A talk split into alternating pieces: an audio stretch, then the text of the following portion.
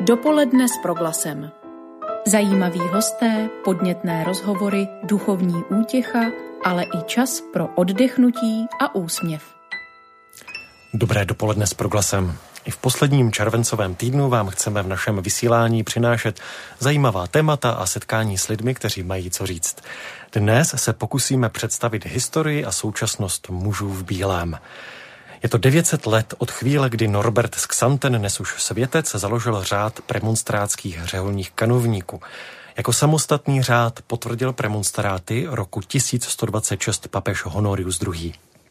K nám se premonstráti dostávají zásluhou olomouckého biskupa Jindřicha Zdíka a jejich první klášter byl založen 1143 na Strahově. A dva z bílých bratrů, jak se premonstrátům v minulosti pro jejich oblečení také říkávalo, jsou dnes mými hosty. Pozvání přijal Marek František Drábek a Hyacint Pavel Kuchta. Pánové, vítejte, hezký den. Hezký den, díky za pozvání. Dobré ráno. Dobrý poslech dnešního dopoledne s proglasem přeje a od mikrofonu provází Jan Krbec.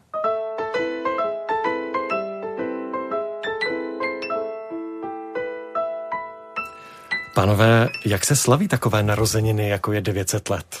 Marku. Budeme slavit celý rok, um, protože jsme uh, otevření také uh, i lidem, nejenom, že bychom slavili mezi sebou, eh, tak to chceme slavit i s farníky a s dalšími lidmi, takže budou bohoslužby, připravují se nějaké výstavy a hledáme i různé další možnosti, jak upozornit na výročí našeho řádu, na naši spiritualitu a také na svatého Norberta, který je mimo jiné také zemským patronem českým a já stále více zjišťuju, že se o něm málo ví a že lidé skoro ani nevědí, že, že máme takového patrona a jeho tělo máme u nás na Strahově, takže možná i nějaké oživení eh, poutí k svatému Norbertu by právě tenhle ten rok mohl, mohl způsobit.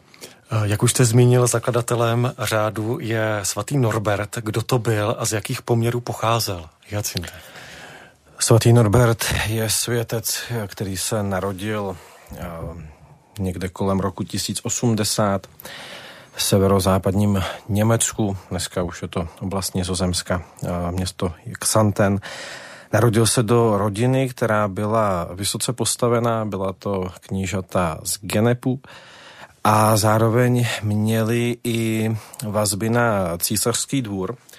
A tak e, Norbert už ve 12 letech e, byl e, zasvěcen nějaké církevní dráze, ale v prostoru 12. století v Evropě to znamenalo, že eh, přijal pravděpodobně podjáhenské svěcení, ale veškerá jeho činnost spočívala v tom, že eh, akorát pro jeho, pro něj, jako pro Eh, kanovníka v Xantenu v kapitule u svatého Viktora, tak eh, veškerá duchovní činnost spočívala v tom, že vlastně jednou do roka se účastnil nějakého zasedání, které bylo víceméně formální a, a zbytek, zbytek času pouze z tohoto kanovnického postu čerpal nějaký finanční zisk. To znamená o duchovní uh, činnosti se v té době u něj nedá vůbec mluvit. Ale je pravda, že tohle postavení a hlavně jeho diplomatické schopnosti a komunikační schopnosti a intelekt způsobili, že se dostal na dvůr arcibiskupa v Kolíně nad Rýnem a záhy si ho všimli i u císařského dvora. On se stal jedním z pracovníků diplomacie tehdejšího císaře Jindřicha V. Co jej tedy vedlo k založení řádu? Vedlo ho k tomu podle mě docela uh, dlouhé hledání. Pravděpodobně se dají vysledovat takové tři body, které způsobily ten jeho obrat. A první byl rok 1111, kdy on zažil docela uh, dramatickou událost, kdy na koncilu v Sutry byl tehdejší papež Paschal II. zajat právě císařem a to je jenom z toho důvodu, aby, nebo jenom z toho důvodu, bylo to z toho důvodu, aby uh, tehdejší papež potvrdil uh, v boji tu takzvanou investituru, tedy o to, kdo bude ustanovovat biskupy a dávat jim, udělovat jim léna, udělovat jim vlastně živobytí. Kdo to bude dělat, jestli papež nebo, nebo uh, císař, tak císař zajal právě Paschala II. jako tehdejšího papeže. A uh, tenhle okamžik se evidentně Norberta velmi hluboce uh, velmi hluboce ho zasáhl a rozhodl se, že ta dráha, která už tehdy byla devítiletá, tak u císařského dvora, takže v ní nechce pokračovat. Ten vztah s císařem velice ochladl. A potom druhý bod je rok 1915, kdy on někdy v srpnu během letní bouřky uh, zažil velmi hluboký zážitek. Myslím si, že je to i potom v těch uh, legendách, ale v legendách, které jsou uh, z prvních, do, prvních let po smrti Norberta, to znamená s vysokou pravděpodobností mají skutečně velké historické jádro. On tam zažil něco podobného jako svatý Pavel před Damaškem. To znamená, on v té bouřce spadnul z koně a, během toho, co padal, tak slyšel hlas z nebe, který nějakým způsobem ho vybízel k tomu, aby se odvrátil od zla a hledal dobro, aby konal dobro. A on potom začal docela, docela dlouhou dobu, těch pět let vlastně hledal. Hledal a to si myslím, že je u něj jako jeden z klíčových bodů. Svatý Norbert jako hledač, který prošel přes benediktinský klášter v Sidburgu, uh, prošel přes uh, školu nějakého poustevníka, bývá tradičně označován jako Ludolf a do, doputoval vlastně i s těmi zkušenostmi, které měl od dětství v té uh, kapitule v Xantenu, tak nakonec se dopracoval k tomu založení kláštera v Prémontrés na severovýchodě Francie uh, za okolností, které asi nestihneme úplně rozebrat, ale to je jedno. Uh, každopádně Norbert uh, se stal zakladatelem právě spirituality Vita Mixta. To znamená spojení aktivního a monastického způsobu života. Možná k tomu blíž, že si by šlo. Zajímavostí je právě řád premonstrátu není mnížským řádem, ale řádem řeholních kanovníků. V čem je tedy ten rozdíl? Rozdíly jsou dva.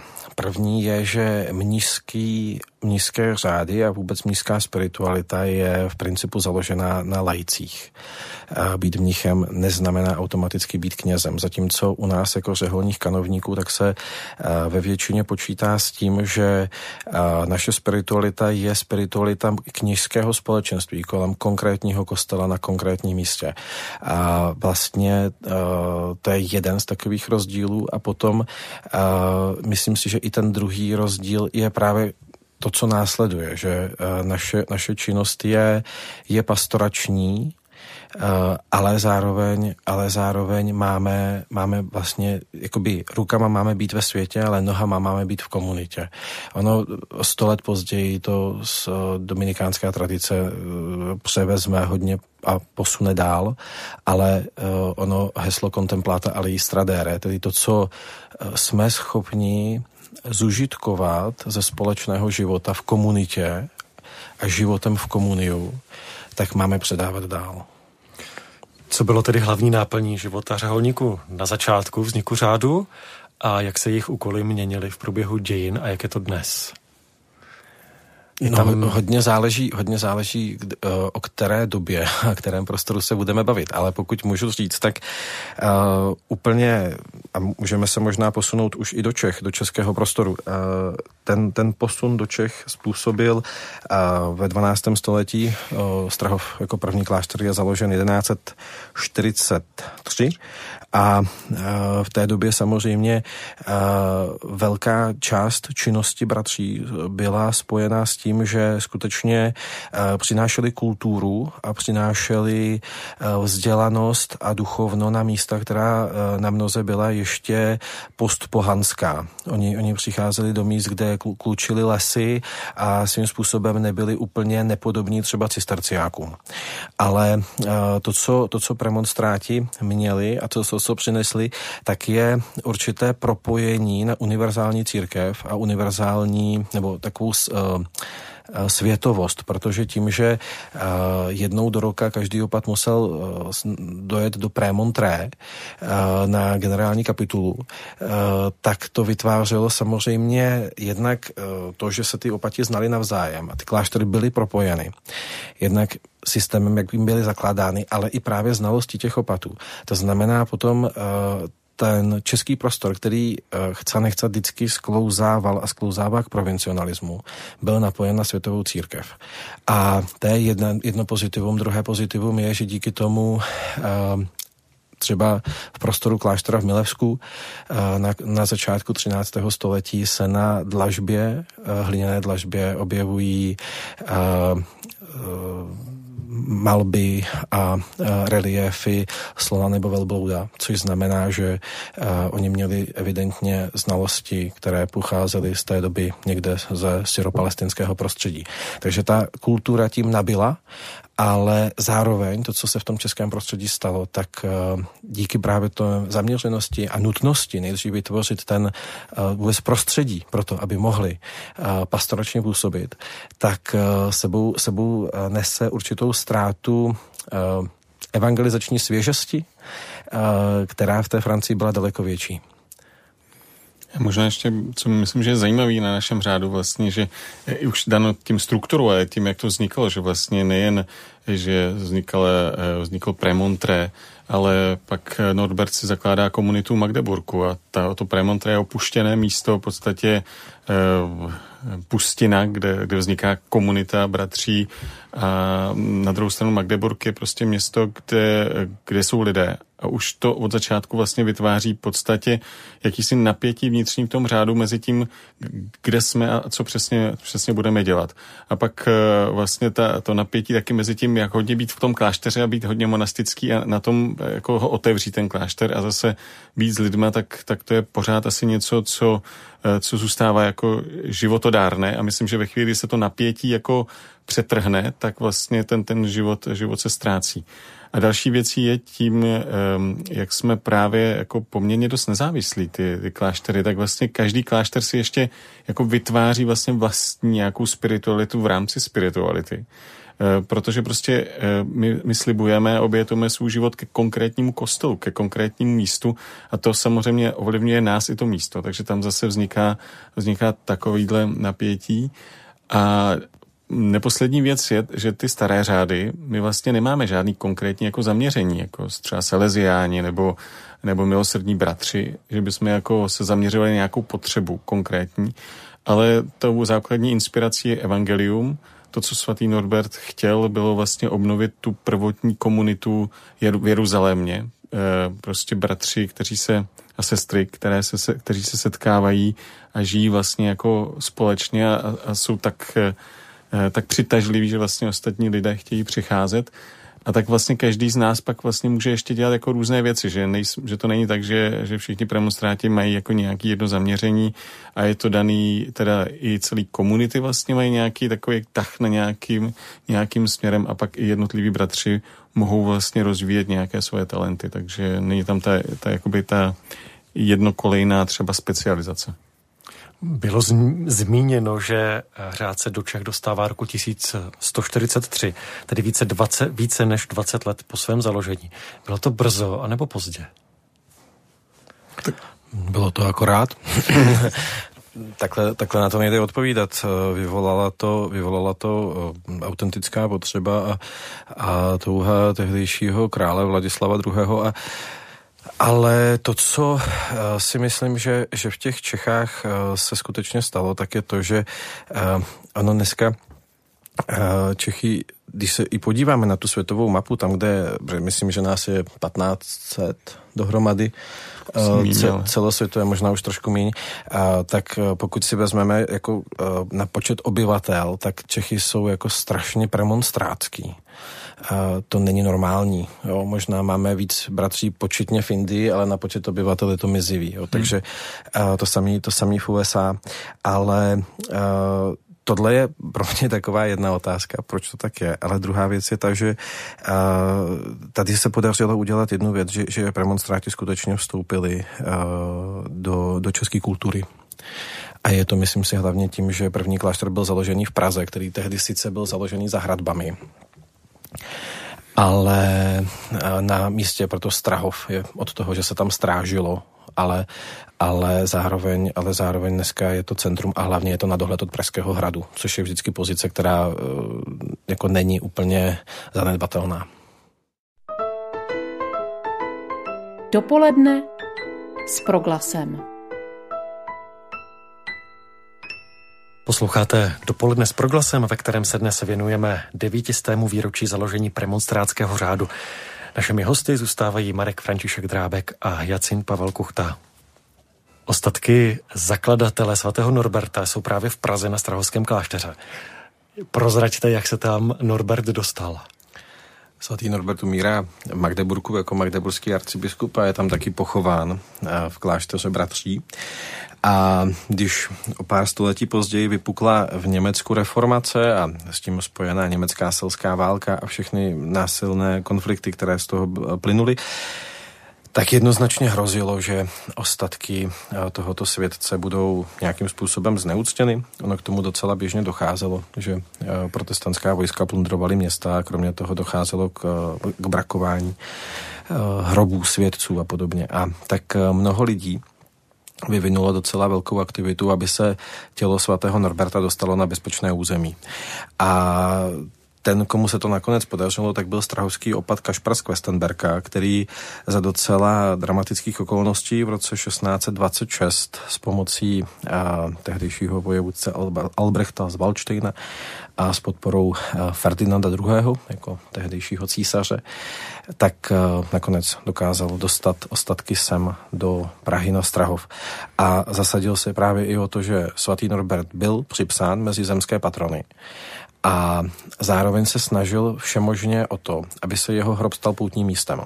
O tom sou, s tím souvisí už i ta barokní sláva, která provázela onu translaci z Magdeburku do Prahy, zvláště v, tom, v té části z Doksan, kde jsou naše sestry, 40 kilometrů od Prahy, kdy právě e, je vezli v triumfálním průvodu do Prahy, ale i taky je pravda, že se to nikdy nepodařilo. Strahov a hlavně hrob svatého Norberta se tím pravým poutním místem nikdy nestál, ale zároveň jeho ostatky od té doby na Strahově jsou.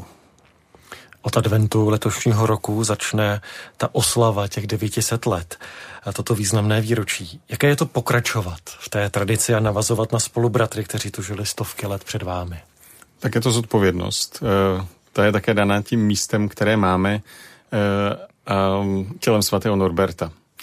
To bude také součástí těch oslav, že budou ostatky vystaveny, takže eh, třeba možná se nám podaří nastartovat tu tradici toho, že by se, že by se pak stal strahou opravdu poutním místem.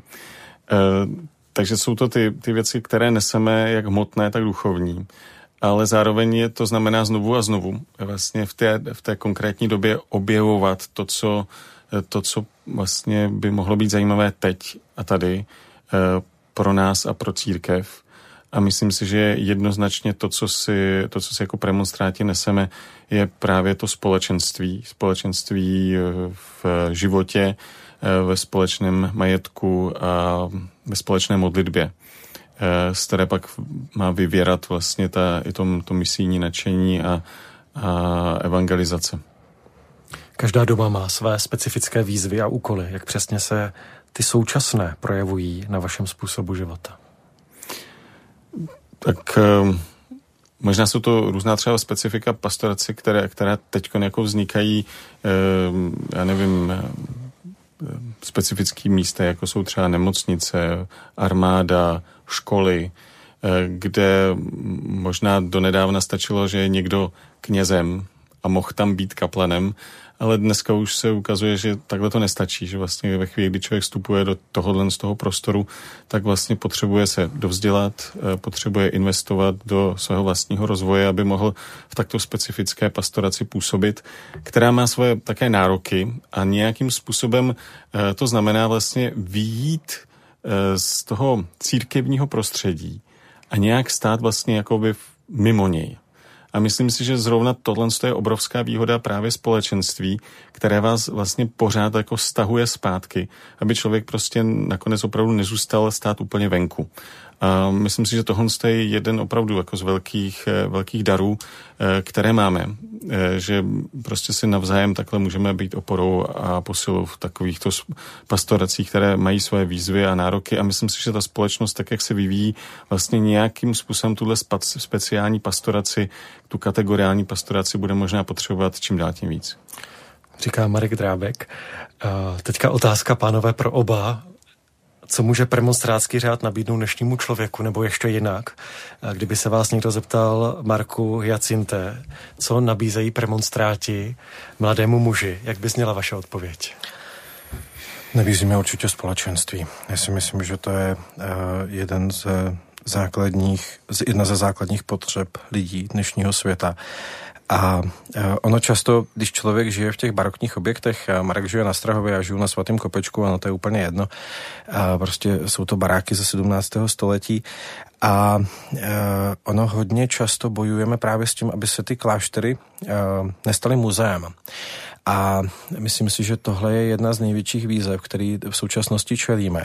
A myslím si, že buď můžeme udělat to podle mě blbým způsobem, že odřízneme historii a to, co je starý, budeme považovat za špatný a budeme se snažit za každou cenu jít, jít nějakou jinou cestou, historie navzdory. A nebo naopak, budeme se snažit vybírat z historie to skutečně kvalitní, ale to znamená to, co skutečně je lidský a to, co skutečně odkazuje na Ježíše.